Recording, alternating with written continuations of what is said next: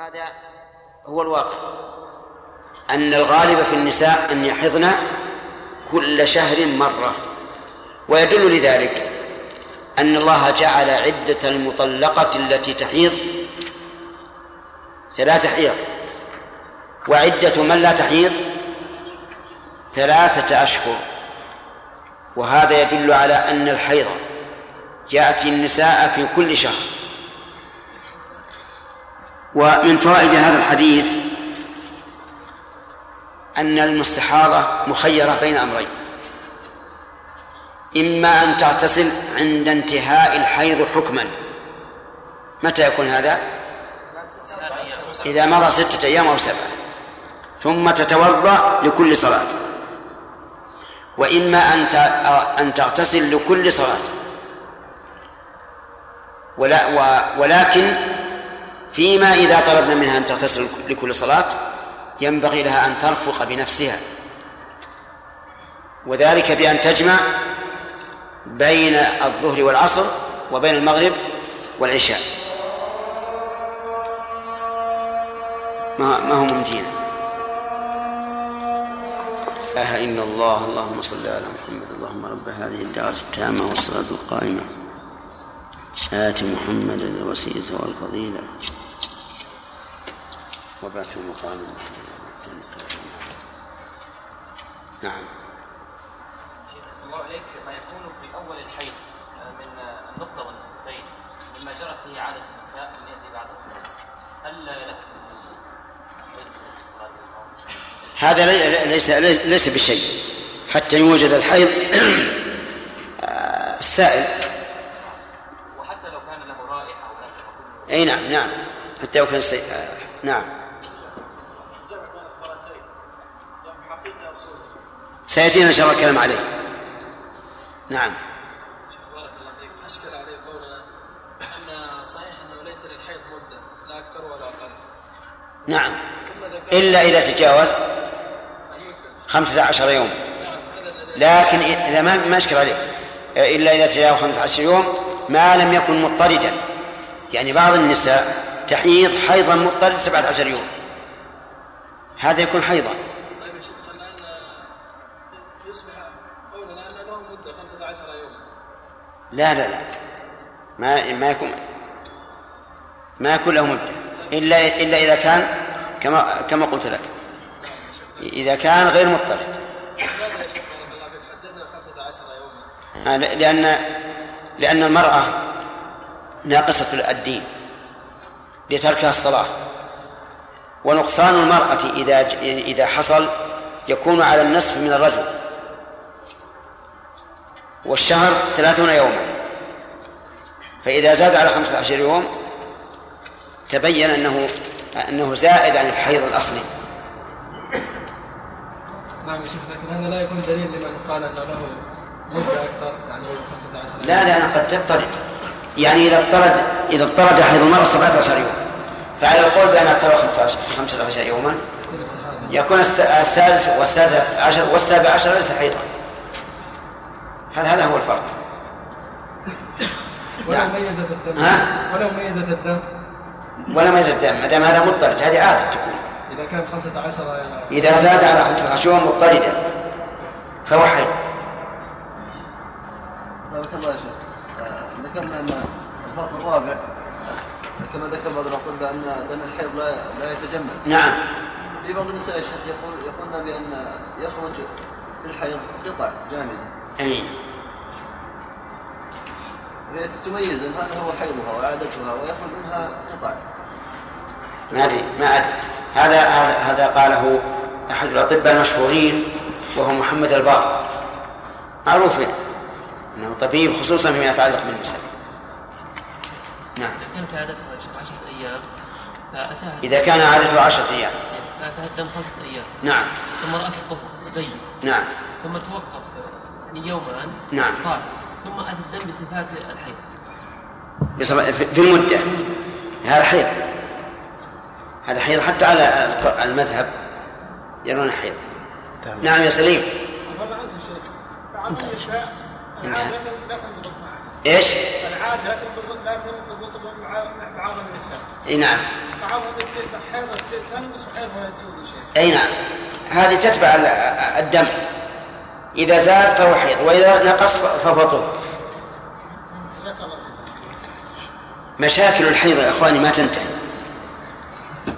وحدثنا شيخنا عبد الرحمن بن سعد رحمه الله أن شيخا يدرس الطلابة وأتى إليهم بهذه التفاصيل والمتحيرة وال... فقال أحد الطلبة أحسن الله إليك يا شيخ. نحن قد عافانا الله من الحيض فدعنا منه. لكن هذا ما هو صحيح. يعني وإن كان الله عافانا منه لكن لنا تعلق به. أليس كذلك؟ لا- لابد أن نعرف. إلى يوم الدين. آه، سبق لنا أن المستحاضة إن كان لها عادة جلست فإن لم يكن لها عادة عملت بالتمييز. فإن لم يكن لها تمييز عملت بعادة غالب النساء ستة أيام أو سبعة. فما حكمها إذا جلست هذا الجلوس بعد هذا الجلوس؟ ماذا تصنع؟ في هذه الأحاديث بينتها فماذا تصنع؟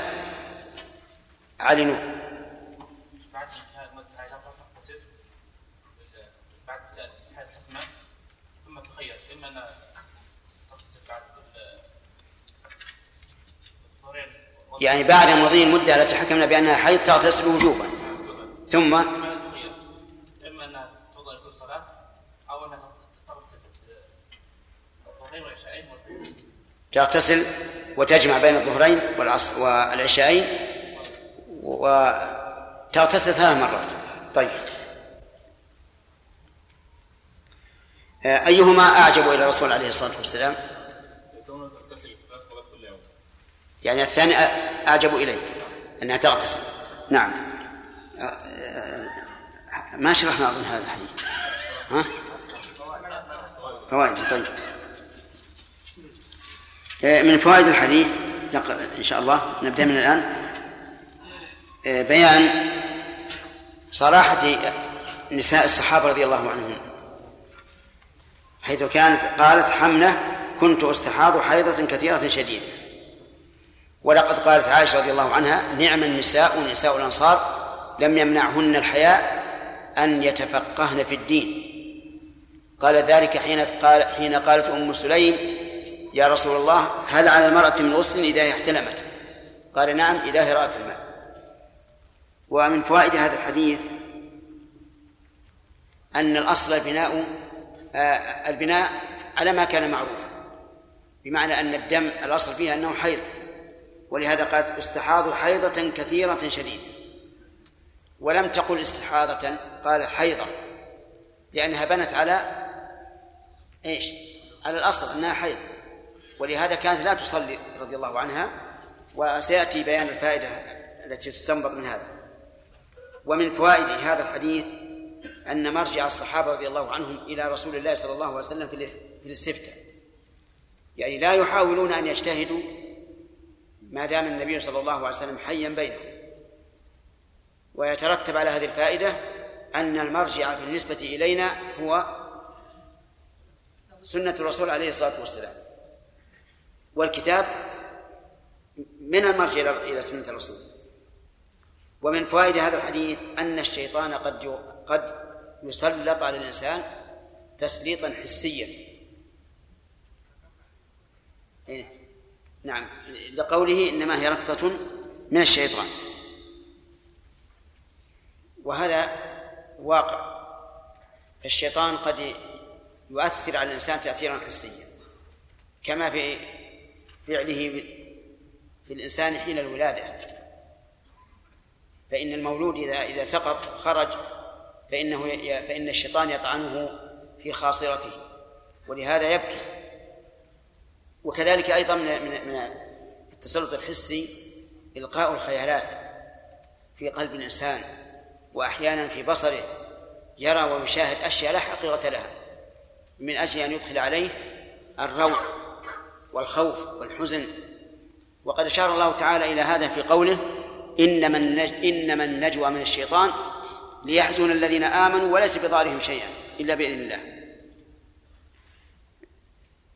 والآية التي سقتها الآن تدل على أن الشيطان قد يباشر أذية الإنس وقد يسلط أعداءه على أذيتهم. لأن الذين يتناجون ليس ليس هم الشياطين هم بنو آدم لكن يتناجون من أجل أن يحزنوا المؤمنين وذلك بأمر الشيطان. من فوائد هذه هذا الحديث الرجوع إلى عادة النساء. الرجوع إلى عادة النساء. ويترتب على هذا العمل بالعرف الشائع بين الناس فيما لم تأتي الشريعة بتحديده وهو كذلك.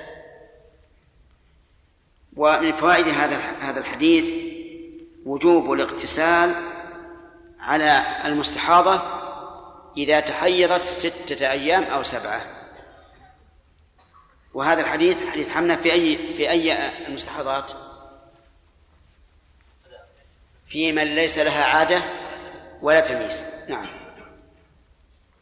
ومن فوائد هذا الحديث أنه لا يجب الاغتسال لكل صلاة. لأنه قال و نعم. ثم ثم اغتسلي فإذا استنقعت فصلي. وقال إن ذلك يجزئك. ولم يذكر الغسل. وهذا أحد الأمرين والأمر الثاني سيأتي إن شاء الله. ومن فوائد هذا الحديث أن العادة الغالبة في النساء أن تحيض كل شهر. لقوله صلى الله عليه وسلم فافعلي كل شهر كما تحيض النساء. وهو كذلك. ومن النساء من تحيض في الشهر مرتين وقد تحيض في الشهر ثلاث مرات. لكن هذا نادر وقليل. وقد لا تحيض في الشهر بل تحيض في الشهر الثالث لا في الشهر الثاني. وهذا أيضا موجود لكنه قليل. ومن فوائد هذا الحديث جواز الجمع للمستحاضة لأنه يشق عليها أن تغتسل لكل صلاة بدون جمع. لو قلنا تغتسل لكل صلاة بدون جمع لا لاغتسلت خمس مرات. فإذا قلنا بالجمع اغتسلت ثلاث مرات. ومن فوائد هذا الحديث ما ذهب إليه بعض العلماء من ثبوت الجمع الصوري أي أن الإنسان يصلي كل صلاة في وقتها لكن كل صلاة قريبة من من الأخرى فيكون جمعا سوريا لأنه صلى كل صلاة كل صلاة في وقتها فلم يجمع الصلاتين في وقت في وقت واحدة منهما بل صلى في كل صلاة في وقتها لكنه أخر الأولى وعجل الثانية. ولا يلزم من هذا أن تكون آه، متواليتين. قد يؤخر هذه في آخر الوقت ويعجل هذه في أول في أول وقت ويكون بينهما آه، فاصل. فإذا قيل بالجمع الصوري في مثل هذا بمعنى أن يكون بينهما فاصل فإنه ممكن. يعني يمكن أن يقال به.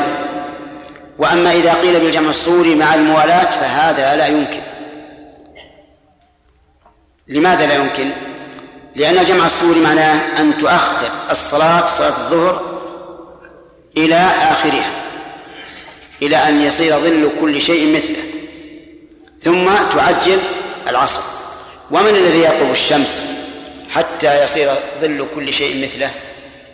لو قلنا باللزوم لكان هذا أشق من أن يصلي كل صلاة في وقتها المتسع. ولهذا جمع الصوري كما ذكرنا لكم. إن كان المراد أن بينه أنه لا موالاة بينهما لكن الأولى صلاها في آخر الوقت والثانية صلاها في أول الوقت فهذا ممكن. وأما إذا قيل جمع بالموالاة فهذا لا يمكن. وأشد وأشق من ذلك المغرب والعشاء. متى يدخل وقت العشاء؟ بعد مغيب الشفق. ومن الذي يرقب مغيب الشفق. حتى يجعل صلاة المغرب آخر شيء قبل مغيب الشفق وصلاة العشاء أول شيء. هذا صعب جدا. ولا سيما أن قلنا في الشتاء لأنه يلزم أن يخرج إلى السطح أو أن يخرج إلى البرية من أجل أن يعرف آه، متى يغيب الشفق. على كل حال الجمع الصوري الذي ذهب إلى بعض الناس واستدل بهذا الحديث نقول إن كان المراد مع التفريق دون اشتراط الموالاة فهذا ممكن. أما مع اشتراط الموالاة فهذا لا يمكن. ولكن القول الراجح في هذه المسألة أنه يجوز الجمع. يجوز الجمع حتى الحقيقي إذا كان هناك مشقة. ونستدل لهذا ليس في حديث حمنة ولكن بحديث ابن عباس رضي الله عنهما حين قال جمع النبي صلى الله عليه وسلم بين الظهر والعصر وبين المغرب والعشاء في المدينة من غير خوف ولا مطر. قالوا ما أراد إلى ذلك؟ قال أراد أن لا يحرج أمته. فدل هذا التعليم من ابن عباس وهو المفقه في الدين على أنه كلما كان الحرج في عدم الجمع إيش؟ جاز الجمع. وهذا هو الضابط. ومن فوائد هذا الحديث بيان تفاضل الأعمال. تفاضل الأعمال لقوله وهو أعجب الأمرين إلي. أعجب بمعنى أحسن. كما جاء في الحديث عائشة كان يعجبه التيامن أي يستحسنه. ففيه دليل على تفاضل الأعمال وأن بعضها أفضل من بعض. وهذا ثابت بالقرآن والسنة ولا إشكال فيه أن بعض الأعمال أفضل من بعض. قال الله تعالى فضل الله المجاهدين بأموالهم وأنفسهم على القاعدين درجة وكل وعد الله الحسنى وفضل الله المجاهدين على القاعدين أجرا عظيما. مع أن مع أن كلهم في جهاد. في جهاد يعني آه، القائد ما لم يجاهد لكن المجاهد في, في نفسه وماله يتفاضل جهاده بحسب ما بذل من نفس ومال. ثم قال المؤلف رحمه الله وعن عائشة رضي الله عنها أن أم حبيبة بنت جحش شكت إلى رسول الله صلى الله عليه وسلم الدم فقال لها امكثي قدر ما كانت تحبسك حيضتك ثم اغتسلي فكانت تغتسل لكل صلاة. قول أن أم حبيبة بنت جحش والأولى في الحديث اللي قبل هذا حمنة بنت جحش بقي زينب بنت جحش الثلاثة هذول أخوات. زينب بنت جحش إحدى أمهات المؤمنين. قال بعض العلماء إنها أيضا استفيضت ولكنه لم يثبت. الذي ثبت حمنة والثانية أم حبيبة. شكت إلى رسول الله أي رفعت إليه الشكوى. والشكوى هو الإخبار بما بما يؤلم الإنسان نفسيا أو جسديا. هذه الشكوى. هي الإخبار بما يؤلم الإنسان إما نفسيا وإما جسديا. شكت إليه الدم يعني كثرته فهو على حذف المضاف والتقدير كثرة كثرة الدم. قال لها امكثي قدر ما كانت حيضتك آه، تحبسك حيضتك. هذه لها عادة. ولهذا قال اجلسي قدر ما كانت تحبسك حيضتك. وأختها لم يقل لها الرسول عليه الصلاة والسلام ذلك بل قال سبعة أيام أو ستة. وكأنه عليه الصلاة والسلام قد علم أن الأولى آني حمنة ليس لها عادة ولا ولا تمييز والثانية لها عادة ولهذا لم يستفصل بل حكم بدون استفصال أنها تمكث قدر ما كانت تحبسك حيضتك ثم اغتسلي بعد ما تنتهي المدة. لأننا حكمنا بطهارتها. قال فكانت قالت عائشة فكانت تغتسل لكل صلاة. وهذا يدل على أن على أن اجتهاد منها. كانت تغتسل يعني دون أن يأمرها الرسول صلى الله عليه وسلم بذلك لكن سبق أن حمنة أرشدها النبي صلى الله عليه وعلى آله وسلم أن تغتسل لكل صلاة لكن أذن لها أذن لها في هذه الحال أن تجمع. والحكمة من ذلك والله أعلم أن الاغتسال يؤدي إلى تقلص العروق وتقليل الدم ويكون سببا لانقطاع الاستحاضة. ففي هذا ففي هذه الحال ففي هذا الحديث فوائد. منها أنه قد يقول قائل إن الاستحاضة تأتي عن وراثة لأن هاتين الأختين كلتاهما استحيض فلعل هذا يكون عن وراثة. فإن ثبت هذا أن الاستحاضة كسائر الأمراض تكون عن عن وراثة فلا عجب في ذلك.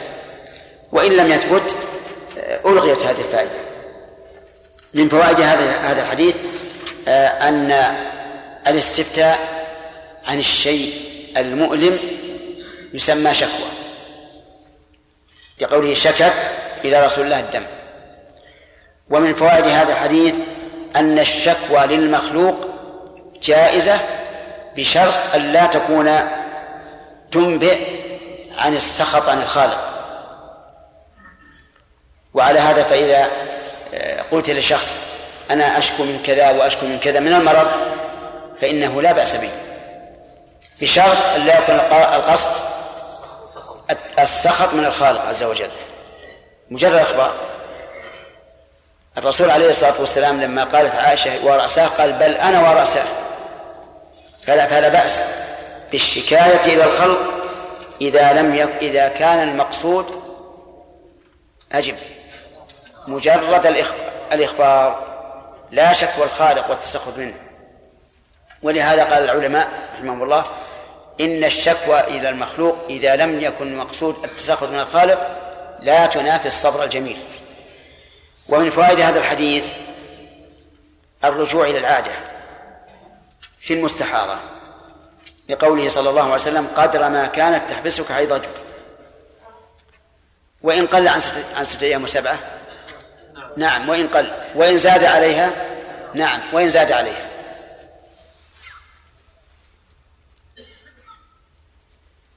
ومن فوائد هذا الحديث أن الحيض يحبس المرأة. نعم. يحبسها عن إيش؟ عن الصلاة. والصيام وأشياء كثيرة تترتب على الحيض. ومن فوائده أن المعتادة ترجع إلى عادتها سواء كان لها تمييز أو لا. وجه الدلالة أن النبي صلى الله عليه وسلم لم يستفصل لم يقل كيف حال الدم بل أطلق يرحمك الله أطلق الرجوع إلى العادة. وهذا لا شك أنه أيسر على المرأة أن ترجع إلى عادتها لأن الأصل بقاء العادة على ما كانت عليه. والتمييز أو تغير الدم ربما يتغير في أول الشهر وفي الشهر الثاني في آخر الشهر وربما يتغير تغيرا بينا وقد يتغير تغيرا يسيرا. لكن الرجوع للعادة أضبط بلا شك. فإذا عدمت العادة رجعنا إلى التمييز. ومن فوائد هذا الحديث أنه إذا تمت العادة بالنسبة للمستحاضة المعتادة وجب عليه الاغتسال لأنها الآن طهرت. ومن فوائد هذا الحديث جواز اجتهاد الإنسان في في العبادات. لقوله فكانت تغتسل. ولكن على أي شيء بنت أم حبيبة؟ الظاهر والله أعلم أنها بنت هذا على ما أفتى النبي صلى الله عليه وسلم به من؟ أختها حيث أذن لها حيث أمرها أن تغتسل لكل صلاة وقال هذا أعجب الأمرين. ومن فوائد هذا الحديث أنه لا يجب على المستحاضة أن تغتسل لكل صلاة. لأنه من فعلها رضي الله عنها وباجتهاد منها. ولو كان لأن الاغتسال من فعلها وباجتهاد منها ولو كان واجبا لبينه النبي صلى الله عليه وعلى آله وسلم وحديث حمنة صريح انه ليس بواجب. وفي رواية للبخاري وتوضئي لكل صلاة وهي لأبي داود من وجه آخر فيستفاد منه وجوب وضوئها لكل صلاة. فإذا قال قائل ما الحكمة في أنها تتوضأ لكل صلاة؟ قلنا لأن هذه طهارة ضرورة.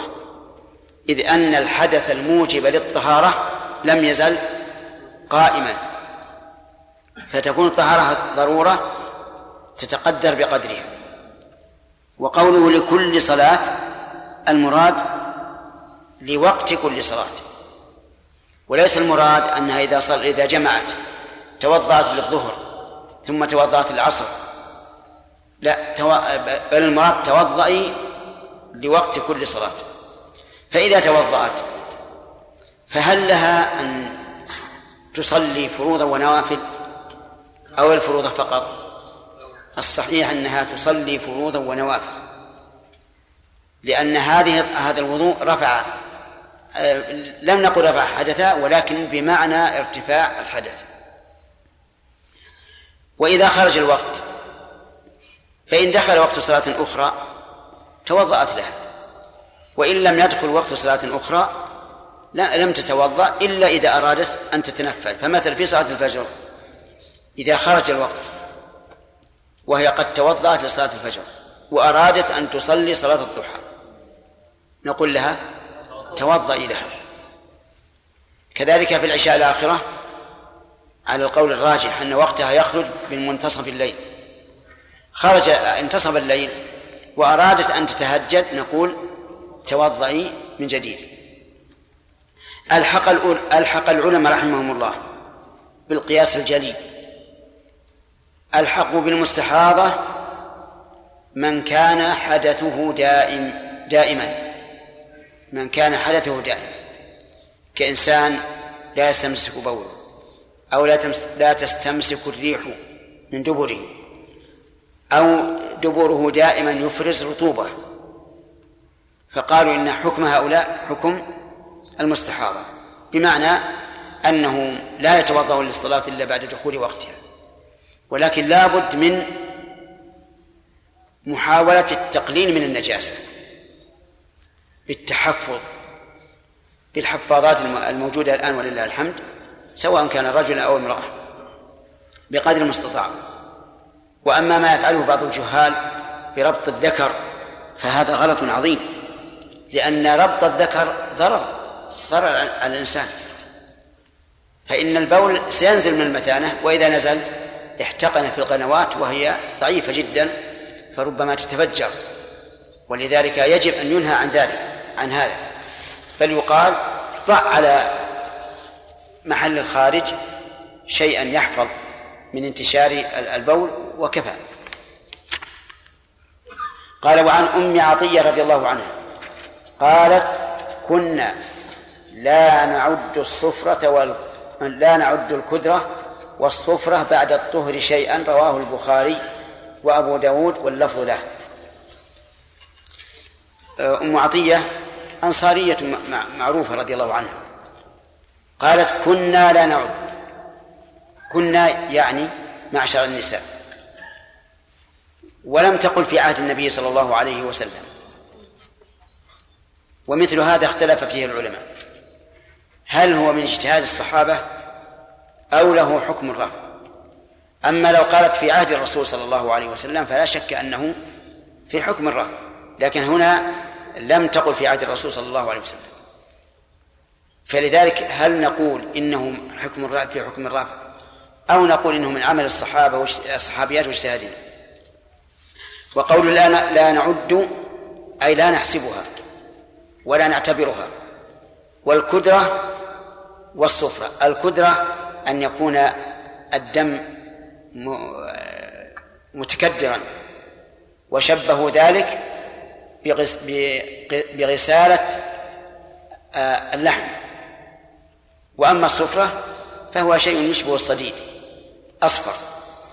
بعد الطهر أي بعد زمن الحيض. إذا يعني إذا طهرت المرأة بالقصة البيضاء ثم وجد وجدت الكدرة أو السفرة فإنها لا تعد شيئا. ومعنى لا تعد شيئا أي لا تعد شيئا معتبرا. يعني لا تعد شيئا معتبرا في الحيض. وإلا فإنها تنقض الوضوء. وإذا استمرت مع المرأة صار لها صار لها حكم سلاسل البول. المؤلف يقول رواه البخاري وأبو داود واللفظ له. وهذا سهو من المؤلف رحمه الله. فإن البخاري لم لم يروي بعد الطهر. وإنما روايته بعد الطهر لأبي داود.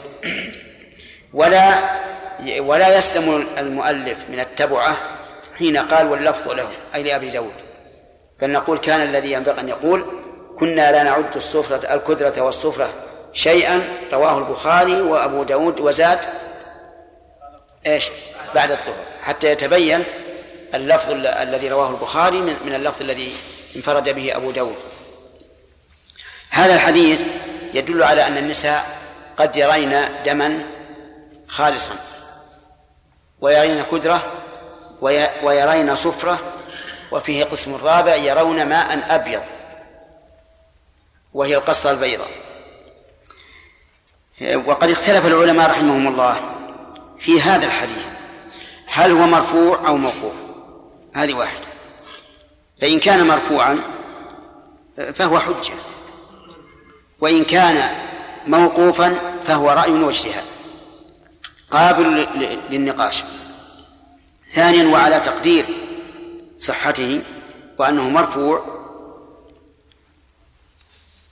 فإنهم اختلفوا. أيضا هل هل هذا يعني بعد حذف بعد الطهر لأن بعد الطهر ليس في البخاري. هل تعد الصفرة والكدرة شيئا أو لا تعد؟ على أقوال متعددة. تبلغ الستة والسبعة. لأن الحديث أولا ما هو صريح في الرفع وثانيا ليس الزيادة بعد الطهر ليست متفق عليها ولا من رواية البخاري. فالعلماء اختلفوا. منهم من قال الصفرة والكدرة ليستا بشيء سواء كانتا قبل الحيض أو بعد الحيض متصلا بالحيض. وأن الحيض هو الدم الخالص المعروف. وإلى هذا ذهب ابن حزم رحمه الله وأيد قوله بأدلة قوية. وقال ليس لنا أن أن نلزمها. ليس لنا أن نلزمها بما لم يلزمها الله به. أو نحرم عليها ما لم يحرمه الله. وذكر شيخ الإسلام رحمه الله ذلك وجها للأصحاب أصحابنا الحنابلة. وهذا القول هو الذي تطمئن نفسي إليه أن الصفر والكدرة ليست بشيء مطلقا سواء قبل الحيض أو بعد الحيض متصلة بالحيض أو منفصلة.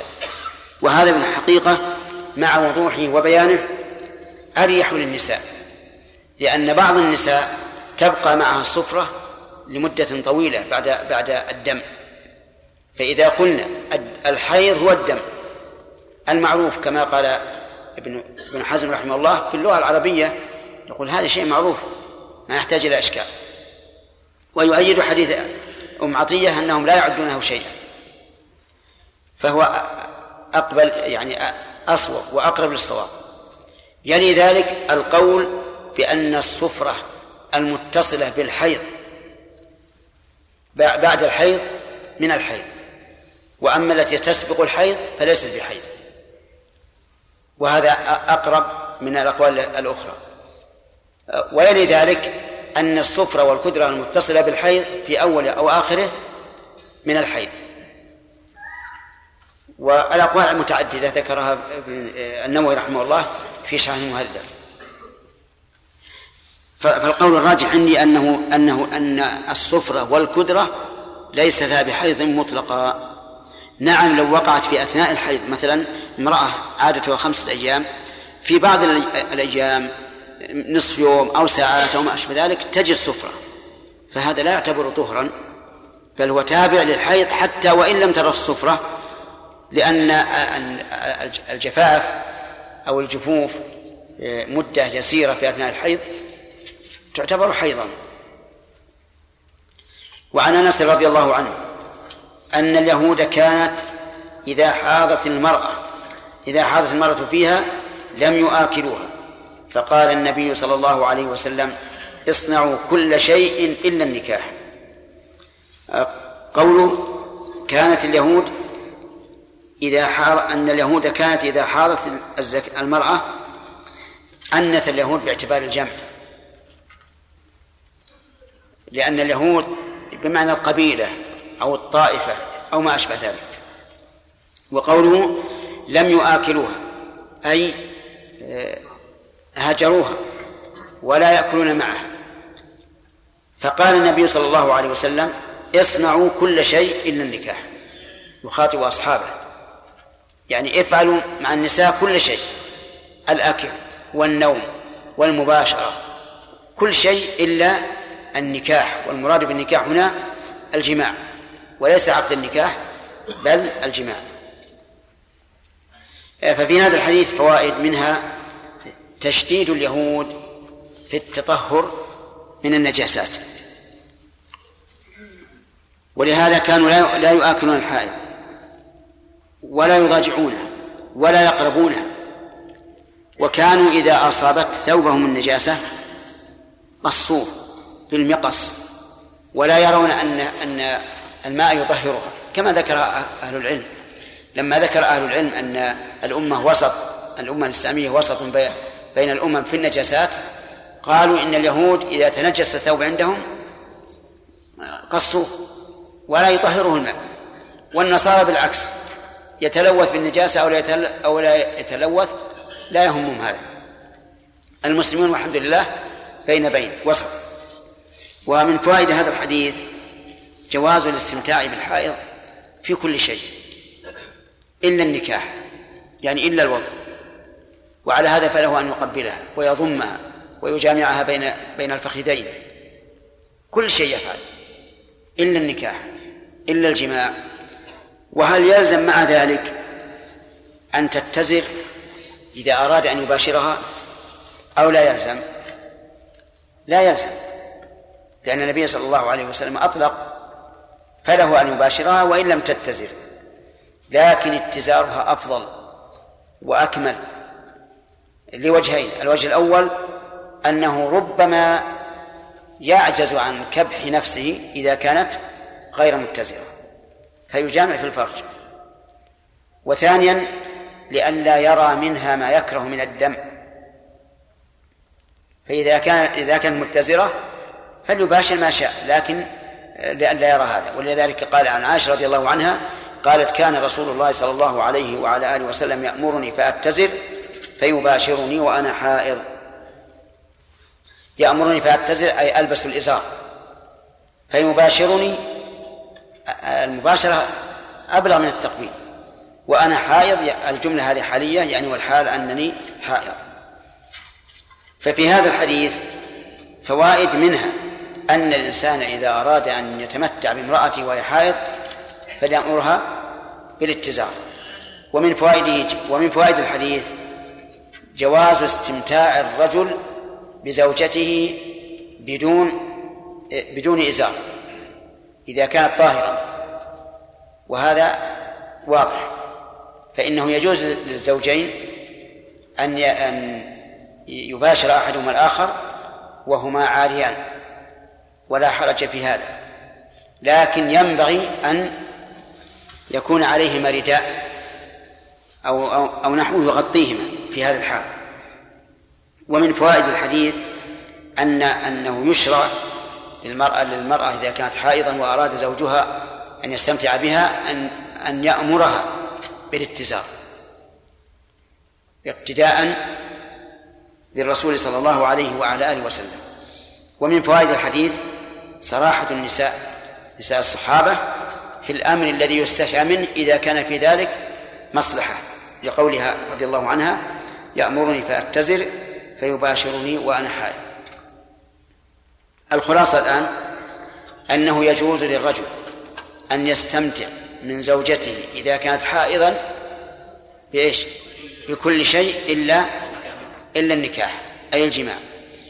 ثانيا أنه ينبغي إذا أراد أن يباشر أن تتزل لوجهين الوجه الأول إيش؟ لئلا يرى منها ما يكره والثاني لئلا تغلبه نفسه فيجامعها. وعن ابن عباس رضي الله عنهما. انتهى؟ جاء السؤال؟ نعم. شيخ حسن الله إليك. بالنسبة للكدرة والصفرة الكدرة والصفرة نعم. أحيانا يصاحبها آلام في أسفل البطن وأسفل الظهر. نعم. وتجزم تجزم المرأة أن هذا هو أوان آه، أي الحيض. مقدمات الحيض. أي. لا شك في هذا. لا شك أنه مقدمات الحيض. لكن هل هو الحيض؟ يعني ما نعدها ولو كانت فيها تلك الأمارات اي ولو فيها الامر على على على قول الذي الذي الذي رجحناه. نعم. إيش؟ قرأت قول بعض العلماء أن بعض الحيض ينبغي أن يكون هذا أحكام ليس من ينبغي إيش؟ ينبغي معرفة أحكام الحيض ينبغي إيش؟ ينبغي في معرفة أحكام الحيض التي ليس فيها ينبغي؟ في معرفة أحكام الحيض ينبغي معرفتها معرفة أحكام التي ليس فيها دلالة كتاب السنة من التفاوت الحرام ما في مشكلة. شوي شوي. قال بعض العلماء أحكام الحيض كتاب السنة أن يكون بين الأطباء والفقهاء يعني إيش؟ بين الأطباء والفقهاء.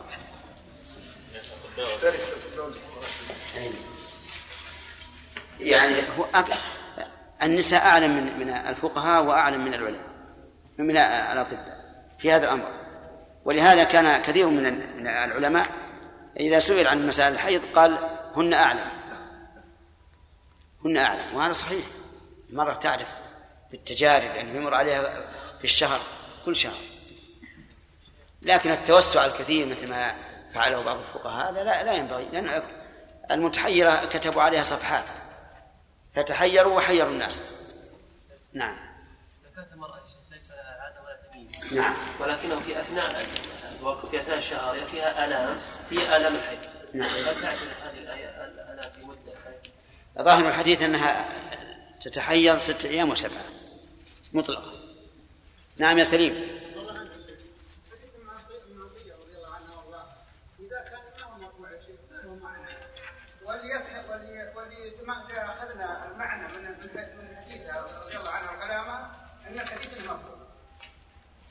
كيف أخذت ذلك؟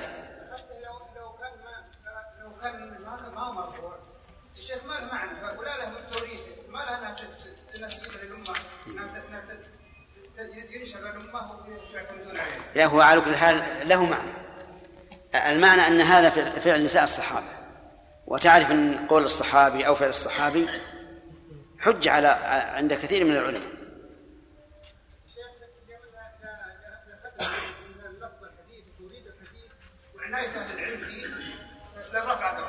يمكن يمكن. الحديث محتمل. نعم. بارك الله فيك. ذكرنا أن الحيض ليس له مدة معينة. وأنه متى رأت الحكم يدور مع العلة؟ فمتى رأت الدم أنه حيض ميزت انها تعمل به؟ نعم. أشكل عليه شيخ ترجيحنا لمسألة العادة أن إذا اختلف العادة والتمييز أن تقدم العادة. نعم. فأشكل عليه هذا الأمر. أه، لماذا لا نقول انها تأخذ بالتمييز طالما ان رجحنا أنه ليس له مدة؟ ما دا- ما دام جاءت ليس لها ليس ما لها دا- ما دام جاءت السنة بذلك لا بد أن نعمل بها. الله أكبر الله أكبر. وبعث مقام محمود الذي بارك الله فيكم لو كانت امرأة عادتها ستة أي ستة أيام فرأت الدم في أربعة ثم يوم صفرة وقدرة ثم انقطعت بعدها إلى صفرة وقدرة فمتى تعتبر الطهر؟ تعتبر الظهر ب- بالأيام الأربعة. وتعيد صلوات اليوم الخامس. أي نعم. لكن نرى أن المرأة إذا كانت جاهلة وبانت على الاصل أنها لا تعيد كحديث ف- حمنة. يحدث هذا كثيرا ينقطع الدم يقول ما ما عرفت إنها حي إنها طهر. طهر الا بعد مده إي نعم. دائما كذا ما تعيد. الأصل آه، ما دام شاكة في الطهر. فالاصل أنه حي. نعم. بالنسبة للرجوع إلى العادة هل ترجع إلى عاده نسائها؟ إيه نعم. قريباتها أو ترجع إلى عادة النساء. لا لا قريبات. ذكرنا هذا. حتى إن كانت أقل من ستة أو سبعة. إي نعم.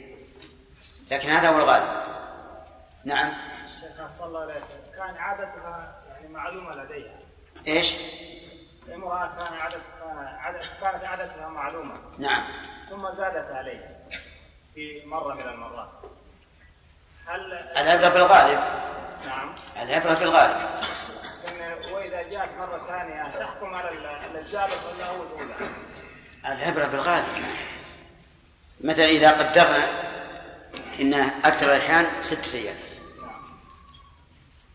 وقد تكون سبعة أو ثمانية أو تسعة. العبرة بالغالب.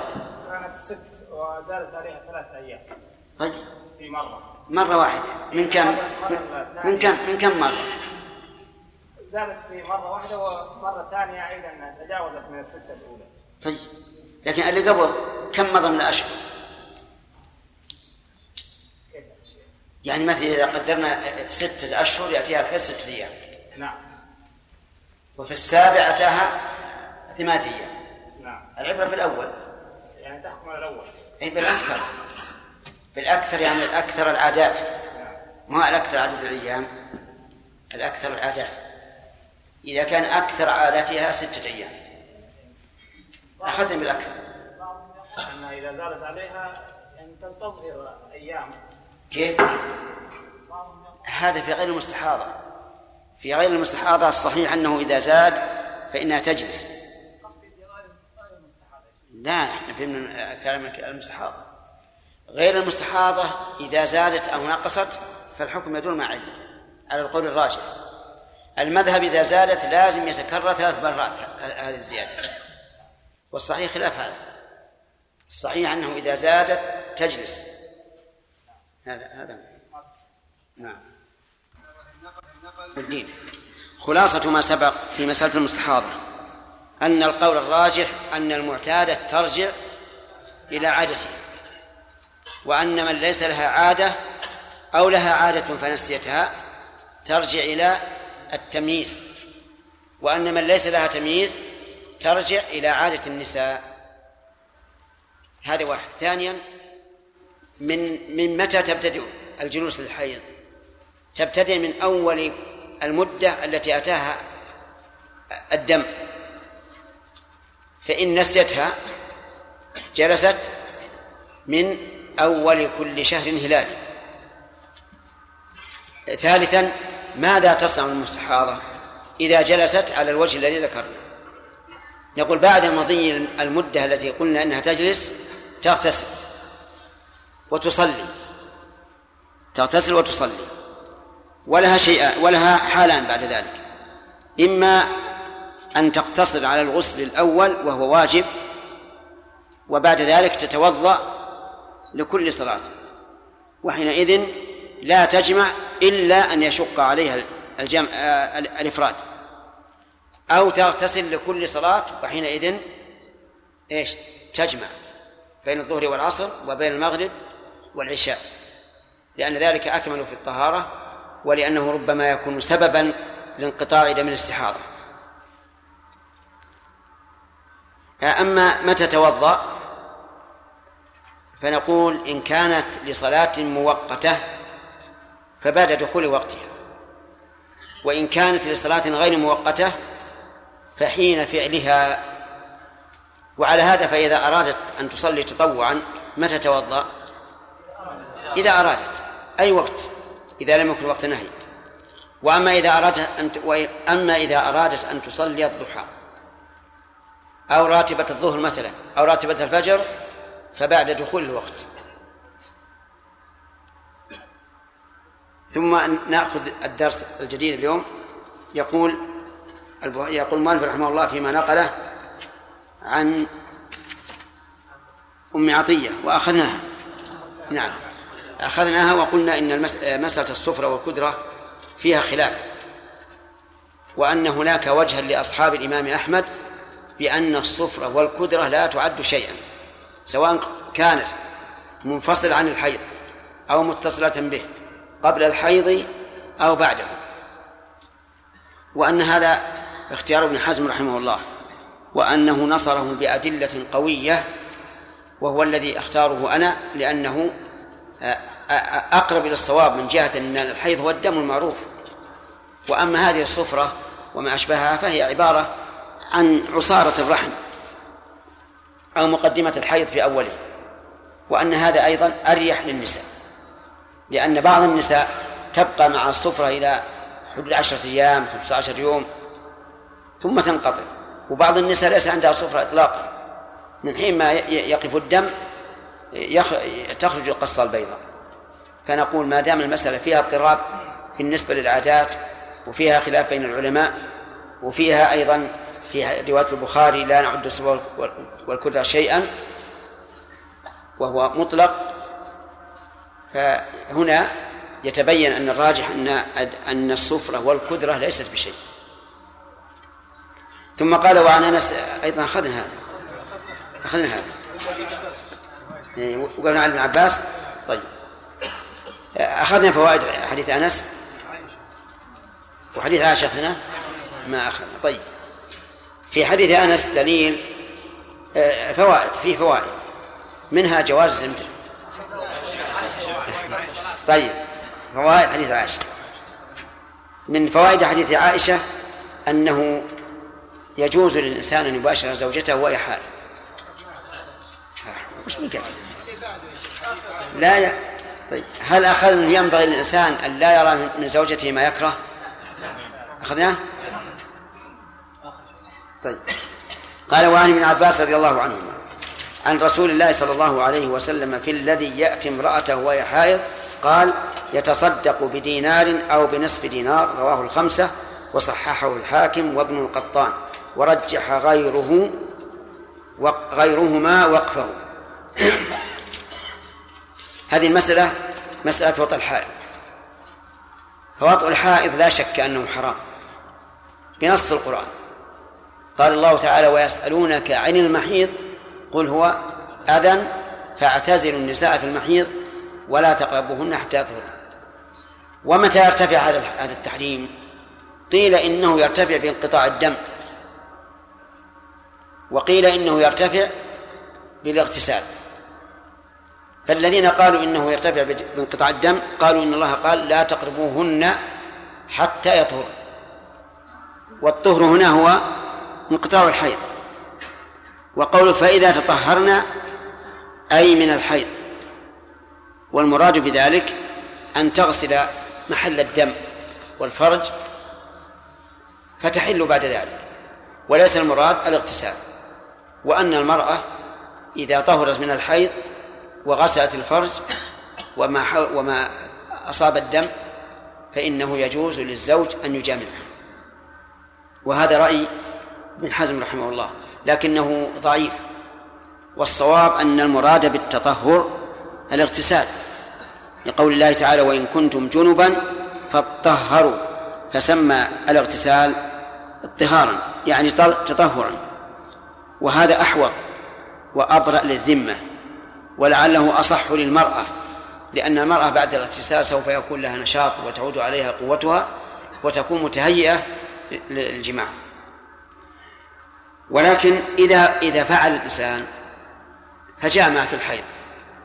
فهو آثم بلا شك.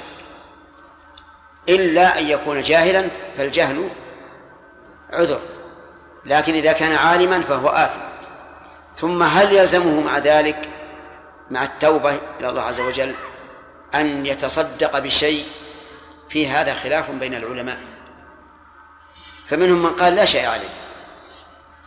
عليه أن يتوب فقط ولا يلزمه أكثر من ذلك. لا يلزمه أكثر من ذلك والأصل براءة الذمة.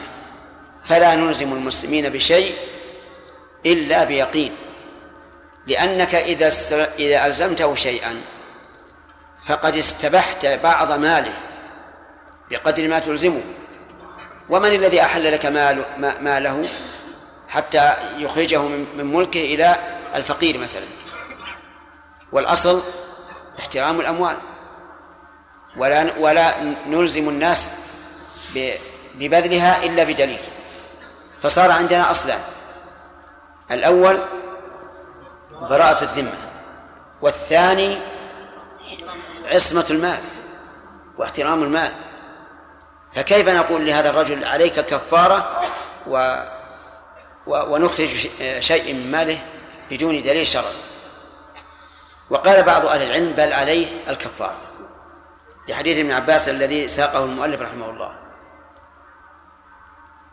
والكفارة إما دينار أو نصف دينار والدينار الإسلامي مثقال من الذهب يعني ما يزن مثقالا من الذهب أو نصف مثقال وقيمته معروفة عند أهل أهل الصرف. ولكن الحديث كما تشاهدون اختلف العلماء في رفعه إلى النبي عليه الصلاة والسلام. فأكثر المحدثين على أنه موقوف على عبد الله بن عباس رضي الله عنه. ثم الحديث فيه اضطراب في إسناده. وفيه أيضا شيء من الاضطراب في موجبه ومقتضاه دينار أو نصف دينار. ولم يرد مثل هذا التخيير في جنس واحد في أي كفارة من الكفارات. التخيير اللي يكون بين في الكفارات يكون بين بين جنسين طعام كسوة آه، عتق مثلا في في كفارة كفارة الأيمان. أما أن يكون دينار أو نصفه فهذا لا يستقيم. ثم هل الحديث صريح في وجوب في في الوجوب؟ الحديث يقول يتصدق فيحتمل أن يكون على سبيل الاستحباب ويحتمل أن يكون على سبيل الوجوب. واحتمال كونه على الوجوب أقرب لأنه في مقابلة ذنب. والذنب لا يرفع إلا بواجب. لكن يبقى النظر في كونه مخير بين الدينار أو نصفه فهل هذا مستقيم؟ ثم يبقى النظر أن الحديث مختلف فيه. هل هو مرفوع إلى النبي صلى الله عليه وسلم أو من قول ابن عباس؟ ثم الحديث أيضا فيه اضطراب في سنده. ولذلك عدل عنه الإمام الشافعي رحمه الله وقال إن وطأ الحائض ليس فيه كفارة. وإن ولو صح الحديث لقلت به. ولكن لا شك أن الإنسان إذا احتاط وكان الله قد أعطاه سعة من المال وكفر فإن هذا يكون سببا لردعه عن العودة عن العودة إليه. فإخراج الكفارة بلا شك أولى وأسلم من التبعة. طيب قلنا التخيير فيه إشكال وهو كيف يخير بين شيئين من جنس واحد أحدهما أقل من الآخر. فيقال هذا من فضل الله عز وجل. أن الله سبحانه وتعالى لا أوجب الدينار وهذا على الكمال أو نصفه وهذا على الإجزاء. فالكمال دينار والإجزاء نصف دينار. على أن بعض العلماء قال إن هذا التخيير ليس تخييرا تشهيا ولكنه تنويع وأنه إذا كان الجماع في فور الحيض فدينار وإن كان في آخره فنصف دينار لأن الحيض في فور الدم أشد ضررا وأكثر إثما. نعم. ولكن الذي يظهر والله أعلم أنه على التخيير مطلقا. وعن أبي سعيد الخدري رضي الله عنه قال قال رسول الله صلى الله عليه وسلم أليس إذا حاضت المرأة لم تصلي ولم تصم؟ متفق عليه. في حديث طويل. هذا جواب من الرسول عليه الصلاة والسلام لسؤال اورد عليه. فإن النبي صلى الله عليه وعلى آله وسلم وعظ النساء بعد أن وعظ أن وعظ الرجال في خطبة صلاة العيد وذكرهن. وقال ما رأيت من ناقصات عقل ودين أذهب للب الرجل الحازم من إحداكم. للبه يعني عقله يعني عقله. ما رأيت؟ أشد تأثيرا على الرجل العاقل من من من المرأة.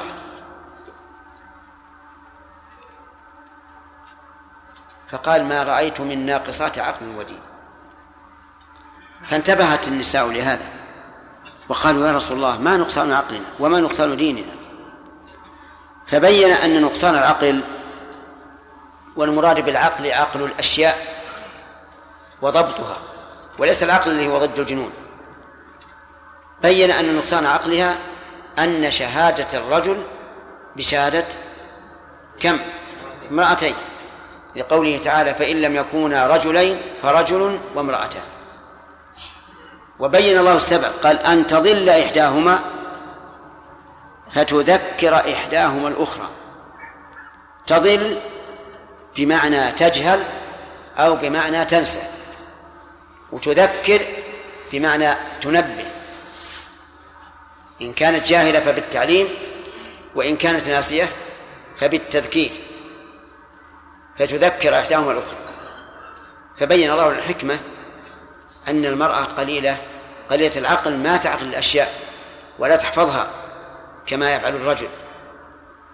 أما الصلاة فقال أليس إذا حاضت؟ لم تصلي ولم تصل قلنا بلى يا رسول الله. قال هذا نقصان دينها هذا نقصان دينها فمثلا إذا حضت المرأة سبعة أيام لا تصلي والرجل يصلي. صار أكمل منها دينا وأكثر منها عملا. فهذا نقصان دينها ولكن هل تلام على هذا النقص؟ الجواب لا. لأن نقص نقص الإيمان ينقسم إلى قسمين. إن كان لترك واجب أو فعل معصية فهو نقصان يلام عليه العبد. وإن كان لترك مستحب أو لترك معذور فيه الإنسان فهو نقص لا يلام عليه. ونقص لا يلام عليه. فإن قال قائل المرأة الآن لا تصوم بإذن الله وبأمر الله ولو صامت لآثمت فكيف تجعلونها ناقصة؟ نقول نجعلها ناقصة كما جعل النبي صلى الله عليه وعلى آله وسلم الفقراء ناقصين عن عن عن الأغنياء. عن الأغنياء الذين ينفقون أموالهم فيما يرضي الله.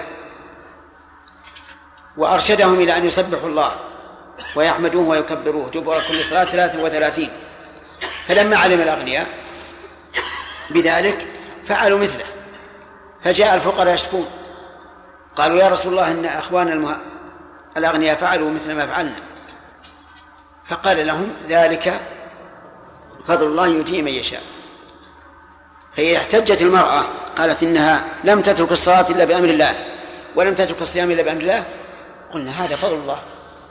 هذا فضل الله وليس وليس لك حجة على الله. والله تعالى يؤتي ملكه من يشاء. أليس الله تعالى يفضل بعض الناس على بعض؟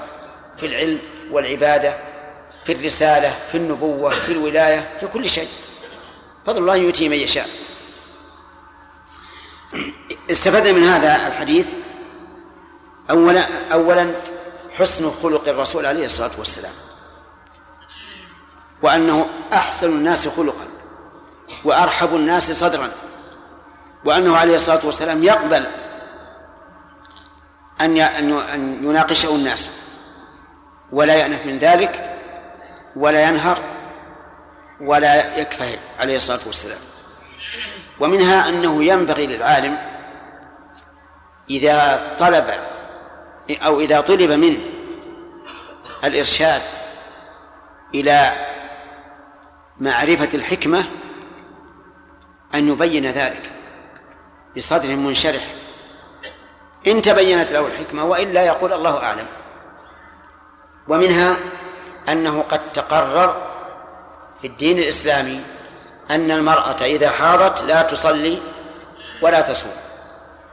لأن النبي صلى الله عليه وسلم قال ذلك مقررا أليس إذا حاضت؟ والاستفهام هنا للتقرير. ومنها أن الحائض لا تصلي نفلا ولا فرضا.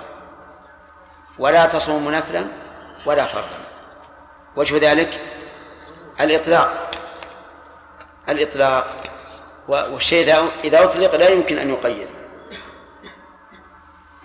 عندي جملة معترضة ذات السونق وعن عائشة رضي الله عنها نأخذ هذا ولا في أسئلة؟ نعم؟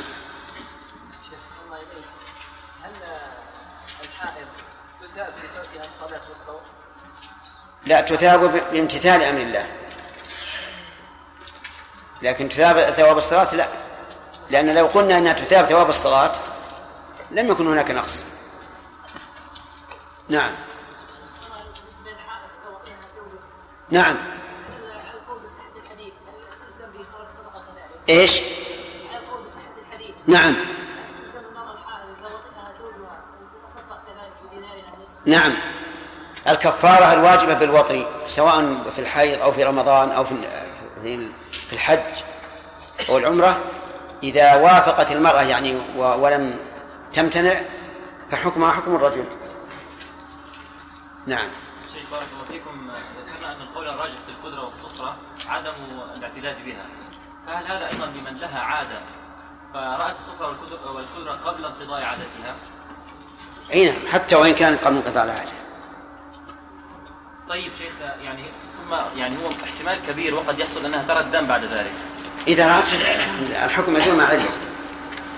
الحكم يدور مع علته وجودا وعدما نعم. الشيخ أحسن الله عليك المرأة كانت عادتها ان تصوم من كل شهر ثلاثة أيام والحيض منعتها من أن تصوم. هل لها أن تقضي اللي بعده؟ الحيض أو الحيضة؟ نعم. الحيض أو الحيضة؟ الحيضة. إيه يعني كانت قلت الحيض منعتها الحيضة. نعم. طيب. ان لكن كيف تمنعها يا آدم؟ نعم. أنت ثلاثين يوم. هي تريد أن تصوم بها عشر مواخر يعني من الشهر. تريد أن تصوم يعني هي أخرت الثلاثة إلى إلى آخر الشهر. إلى آخر الشهر. وأصابتها الحيض. نعم. يقال إذا كانت تعرف أن الحيضة تأتيها في هذه المدة التي يفوت بها صيام الأيام الثلاثة فلا تقضيها لأن أخرتها بغير عذر. أما إذا كان الحيض أتاها في آخر الشهر على خلاف العادة فتقضيها. كذلك يقال في ستة أيام من شوال. وكذلك يقال في الصيام من شوال. النبي صلى الله عليه وسلم قال اللهم صل وسلم. النساء ناقصات الدين. وهل يقال للرجل الذي يواظب مثلا على النوافل يعني أكمل دينا والذي لا يواظب عليه أنقص دينا نعم نعم. لكن قلنا أنه نقص لا يلام عليه. يعني إنسان مثلا يصلي في الليل عشرين ركعة قصدي 11 ركعة وآخر يصلي ثلاث ركعات. لا شك أن هذا ناقص عن ذاك. لكنه نقص لا يلام عليه. نعم. ما من واديا ولا الا بالاجر قالوا رسول الله قال نعم. ما يقاس عليه ما تقاس. أولا لا قياس مع النص. هل في قياس مع النص؟ ما في. نعم. جمعة. شيخ أحسن الله إليك. بعض الناس يقولون في حديث ضعيف يقولون نعم ضعيف لكن معناه صحيح. الحديث يقول المرأة الصالحة خير من ألف رجل غير صالح. إيه. إن كان هو غير صالح يعني فاسد فساد مطلق فيه خير من مليون رجل. وإن كان هو لا هو يعني ليس مثلها في الكمال فلا يصح هذا القول. إذا توضأت المستحاضة أول أول وقت ثم خرج منها الدم صلت الفريضة وما يتعلق بالفريضة ثم في آخر وقت هذه الفريضة اراد ان تتطوع تطوع مطلقا مثل آخر وقت الظهر أو آخر وقت العشاء. نعم. هل لا- لازم أن تعيد الوضوء أم لا؟ لا ما يلزم. العلماء يقولون إن إذا توضأت للصلاة بعد دخول وقتها امتد الوضوء إلى آخر الوقت.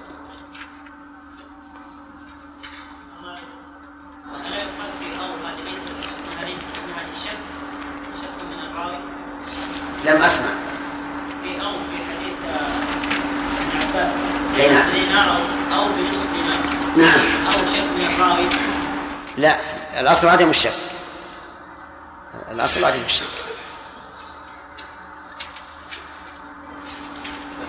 إليكم هل يجب على المرأة أن تتطهر من الرطوبة التي تجدها في الفرج؟ نعم. هل يجب على المرأة أن تتطهر من الرطوبة التي قد تجدها في الفرج؟ التي تجدها في الفرج. نعم. قبل أن تبرز ولا بعد؟ إذا برزت يجب أن تطهر منها. إذا خرج إلى فخوذها إلى الفخذين يجب عليها أن تطهر. لا هي ما عليها شيء. لقوله إذا رأت الماء حديث أم سليم. الرطوبة ليس الماء هي الرطوبة لكن هذه الرطوبة هل إنها إذا جلست انضغطت وخرجت ولا لا؟ يقال لهن إذا لم تخرج الرطوبة فلا شيء فلا حكم لها. تنقض الوضوء. بعد بعد الأذان. اللهم صل على محمد اللهم رب هذه الدعوة التامة والصلاة القائمة آت محمدا الوصية والفضيلة والراتب المقام محمد هذا الرطوبة هل بعد النساء طيب. بارك الله فيك. يعني ذكرنا أن المتصدق بالدينار يكون على وجه الكمال على إيش؟ وجه الكمال هو المتصدق بنصف دينار يكون على وجه الإجزاء. نعم. لكن يا شيخ حديث ابن عباس بعض الناس فهمه. إيش؟ بعض الناس فهم أثر ابن عباس أن الدينار يقاس على على القيمه اللي في بلده. ليس على المثقال نعم. حتى لو قسناه على على قيمة البلد فهو دينار أو نصف. وقيمة الكماء الدينار ما هي مثل قيمة نصفه. نعم. بالغت في رمضان. إيش؟ امرأة صغيرة. نعم. يعني هي صغيرة في السن بلغت في رمضان في نعم. رمضان. طيب. صامت يومين فقط وصار عيد وما ما أخبرتها أهلها. يعني بلغت قبل العيد بيومين. بيومين. وصامت.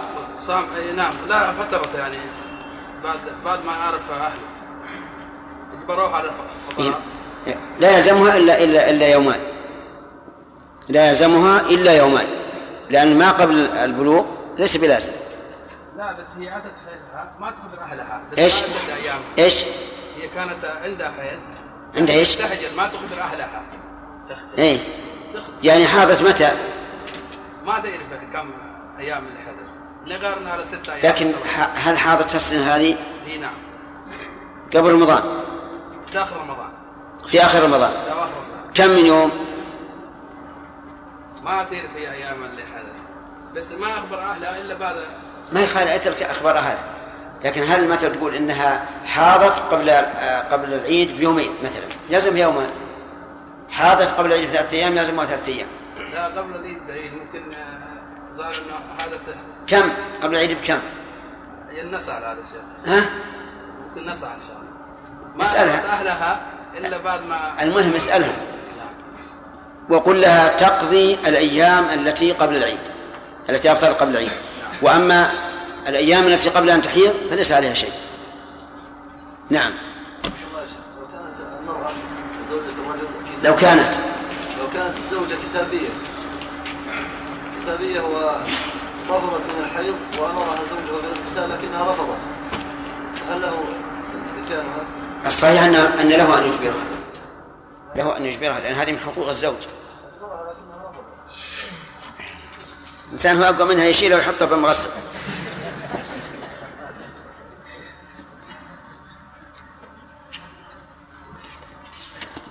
هذا حل ولا ما بحل؟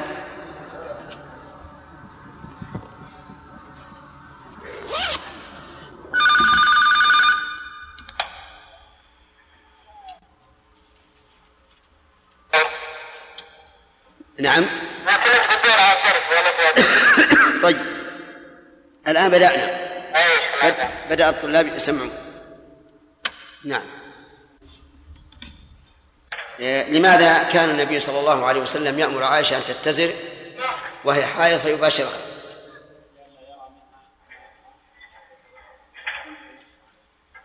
لئلا يرى منها من أثر الدم. نعم.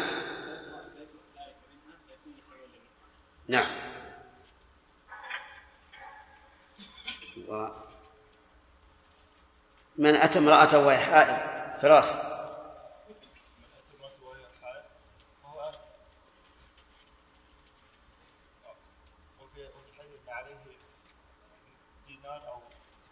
يتصدق. أو بنصف دينار طيب. آه، ما هو الدينار؟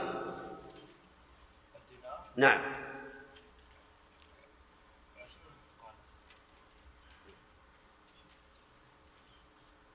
ذهب وهمك إلى النصاب. نعم. ها؟ خطأ. نعم. مثقال منين؟ طيب يعني إذن هي الوحدة النقدية من الذهب. الوحدة النقدية من الذهب دينار. وزينته؟ مثقال. ولا يصح أن نقول مثقال من الذهب لأن لو قلنا هكذا لكان كل مثقال دينار وهذا لا يصح. لكن هي وحدة يعني نقدية الذهب زينتها مثقال. هل قول ابن عباس رضي الله عنهما يتصدق على سبيل الوجوب؟ سامح. نعم. نعم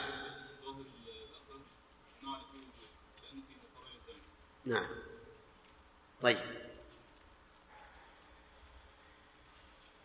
الحديث يقول المؤلف رحمه الله إنه إن غير الحاكم والقطان رأوا أنه موقوف يلا احمد ف وإذا كان موقوفا ها؟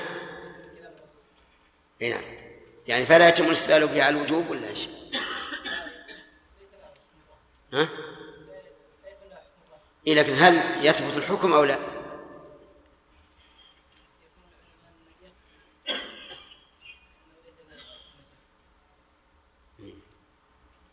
صالح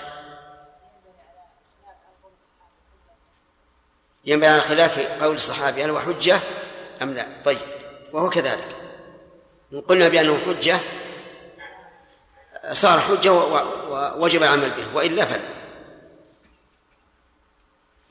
قوله أليس إذا حاضت لم تصلي ولم تصم؟ نور. إيش معنى الكلام هذا؟ لا معنى الجملة. أليس إذا حاضت لم تصلي ولم تصم؟ هل هو استفهام؟ وهل مراد الاستفهام هنا المعنى حقيقي للاستفهام أو أم ماذا؟ الاستفهام تقرير يعني أليس قد تقرر أنها إذا حاضت؟ لماذا ساق المؤلف في كتاب الحيض؟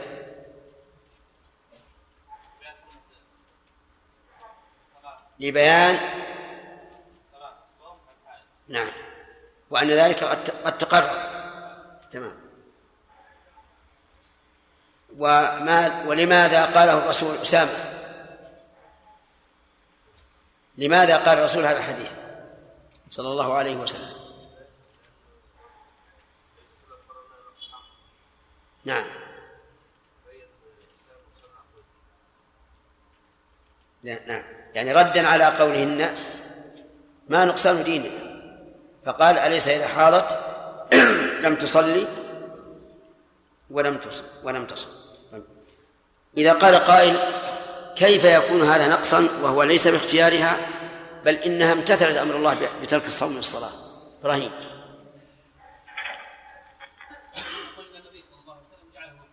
نعم.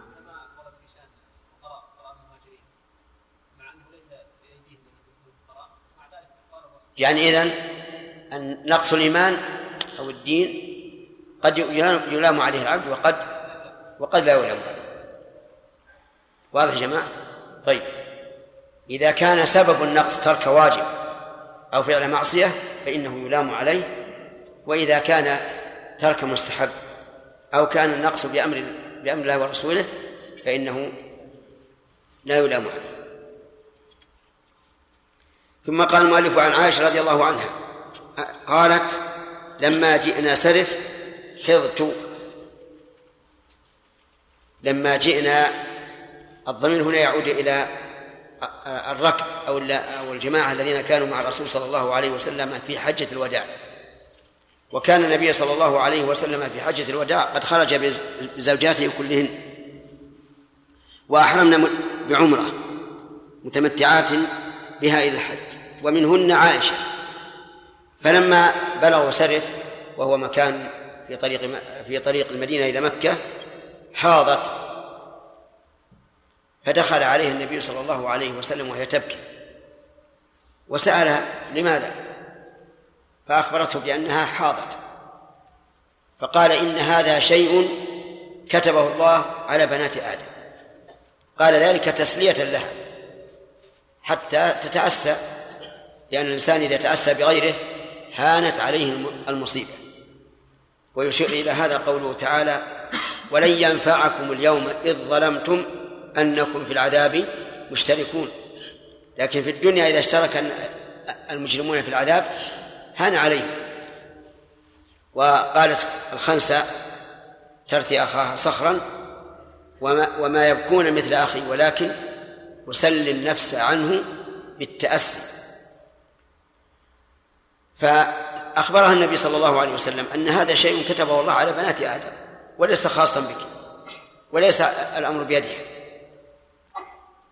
فقال لها افعلي ما يفعل الحاج غير أن لا تطوفي بالبيت افعلي الأمر هنا للإرشاد. ويبقى إذا كان الإرشاد يبقى ما كان مأمورا به في الحج على سبيل الوجوب واجبا وما أمر به على سبيل الاستحباب يكون مستحبا. ويحتمل أن يكون الأمر هنا للإباحة يعني لك أن تفعلي ما يفعل الحاج. غير أن لا تطوفي بالبيت. وقول الحاج المراد به الجنس. يعني فيشمل الذكر والأنثى. غير هذا استثناء من عموم الأحوال. أو من قوله ما فيه ما يفعل الحاج. غير أن لا تطوفي بالبيت. أن لا تطوفي بالبيت يعني طواف القدوم لأنها ستقدم وهي حائض. ولم يذكر النبي صلى الله عليه وسلم لم يذكر السعي. لكنه ذكره مالك رحمه الله في موطئه بإسناد صحيح. وكذلك البخاري ذكر أنها لما طهرت طافت وسعت. وعلى هذا فيكون عدم ذكره في بعض الروايات لا ينافي ذكره في الروايات الأخرى. وقوله حتى تطهري حتى للغاية. حتى تطهري من الحيض. والطهارة من الحيض هو انقطاع الدم. متى انقطع الدم فتلك الطهارة.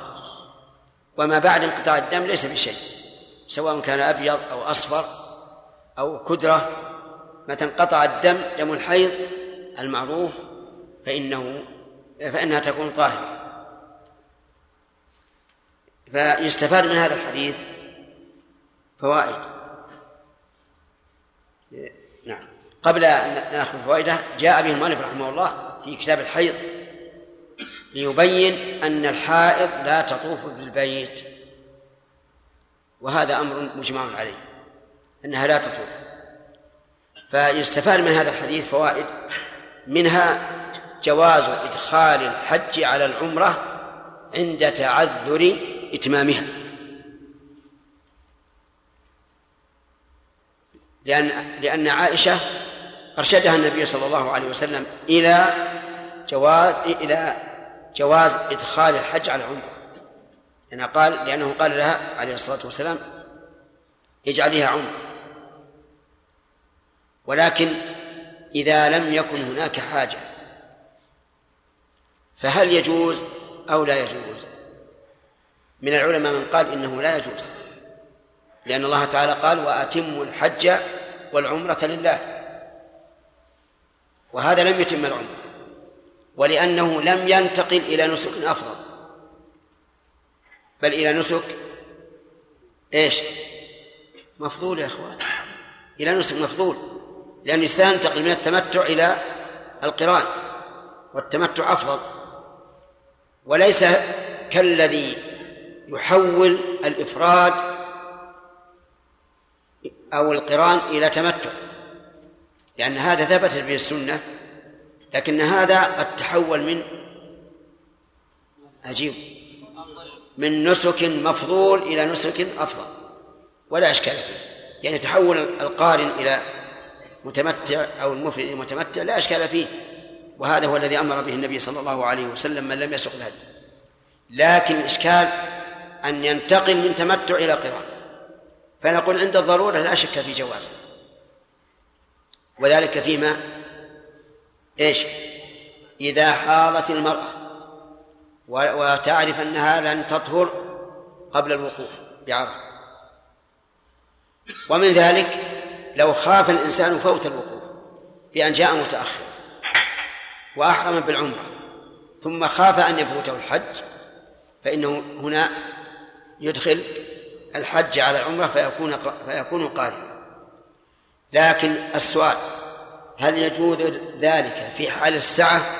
بمعنى أن الإنسان يدخل الحج على العمرة مع ساعة الوقت هذا محل نظر.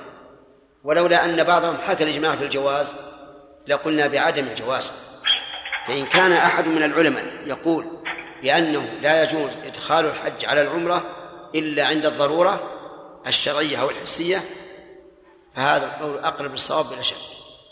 ووجه ذلك عجيب أنه انتقال من فاضل إلى مفعول والأعمال إذا الشرعية إذا كانت واجبة لا يمكن أن ينتقل من مفعول من من فاضل إلى مفضول أبدا بخلاف المفضول إلى الفاضل. ومن فوائد الحديث أن القارن فعله كفعل المفرد لأن النبي صلى الله عليه وسلم لم يأمرها أن تطوف أن تطوف مرتين وأن تسعى مرتين. بل قال افعلي ما يفعل الحاج. وهذا القول هو الراجح أن القارن كالمفرد سواء في إيش؟ في أفعال الحج. فلا يلزمه طوافان وسعيان لماذا؟ لقول النبي صلى الله عليه وسلم دخلت العمرة في الحج. ولقول ولقوله لعائشة طوافك بالبيت. وبالصفا والمروة يسعك أي يكفيك لحجك وعمرتك. فالقارن والمفرد سواء في الأفعال. لكنهما يختلفان من جهة أن القارن يحصل له نسكان والمفرد لا يحصل له إلا نسك وأن القارن عليه هدي والمفرد ليس عليه هدي. طيب وهل يجوز إدخال العمرة على الحج ليصير قارنا؟ بمعنى آه، أن الرجل أحرم بالحج ثم أدخل العمرة عليه. هذا فيه نظر يعني فيه خلاف. فمن العلماء من يقول لا بأس بإدخال العمرة على الحج. ومنهم من قال لا لا يجوز. والصحيح جوازه لأن هذا هو ظاهر ما ورد عن النبي صلى الله عليه وسلم حيث أحرم بالحج أولا لقول عائشة رضي الله عنها وهي تقسم الناس في إحرامهم وأهل رسول الله صلى الله عليه وسلم بالحج. ثم قيل له قل عمرة وحج. وهذا يعني أنه أدخل العمرة على الحج. و وهو من ناحية القياس أن يقال أي فرق بين أن تدخل الحج على العمرة أو تدخل العمرة على الحج. وأما من قال إنه لا يستفيد بإدخال العمرة على الحج لأنه لن يزيد على أفعاله فنقول وكذلك إدخال الحج على العمرة. لا يزيد على أفعال الحج. ثم نقول القول بأنه لا لم يستفد ممنوع. لأنه استفاد استفاد نسكين فهو مستفيد. عرفنا أن عائشة رضي الله عنها أدخلت العمرة على الحج. آه، أدخلت الحج على العمرة قبل أن تطوف قبل أن تطوف لا شك. فهل يجوز إدخال الحج على العمرة بعد الطواف؟ يرى بعض العلماء أنه لا بأس به. حتى بعد السعي ما دامت العمرة لم تتم فله إدخال الحج على العمرة. ويصير ويصير قارنا. أما مذهبنا فإنه لا يصح أن يدخل الحج على العمرة بعد الشروع في الطواف. وهذا فيه شيء من الإشكال فيما لو أن المحرم طاف وسعى ولم يقصر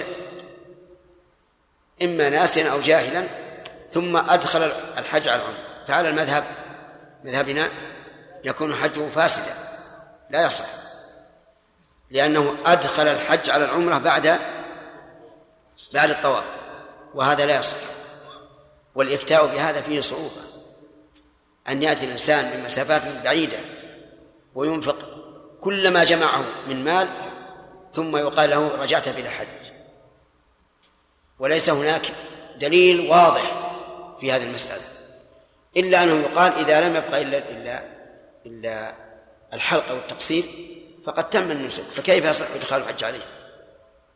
في مثل هذا نحن نفتي بأن بأن بأن يفتي الإنسان عن ترك الحلق ونجعله كأنه تركه ولما شرع في النسك لما تحلل من العمرة ثم شرع في النسك فشروعه في النسك الحج صحيح وعليه فدية.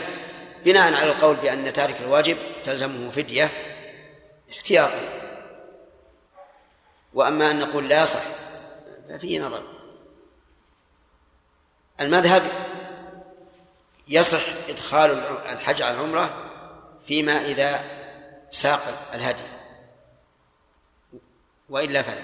لكن الصواب أنه أنه آه، لا فرق بين من ساق الهدي ومن لم يسق الهدي. ومن فوائد هذا الحديث أن جميع المناسك لا تشترط لها الطهارة. كذا؟ السعي الوقوف المبيت الرمي لكن الأفضل أن يفعلها على طهارة فإن قال قائل كيف تقول السعي؟ وقد قال النبي عليه الصلاة والسلام لعائشة ولا بين الصفا والمروة.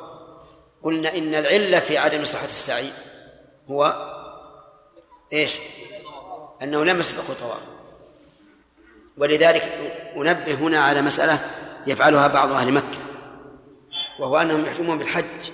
من بيوتهم ثم يذهبون إلى إلى البيت ويطوفون ثم يسعون سعي الحج. وهذا لا يصح.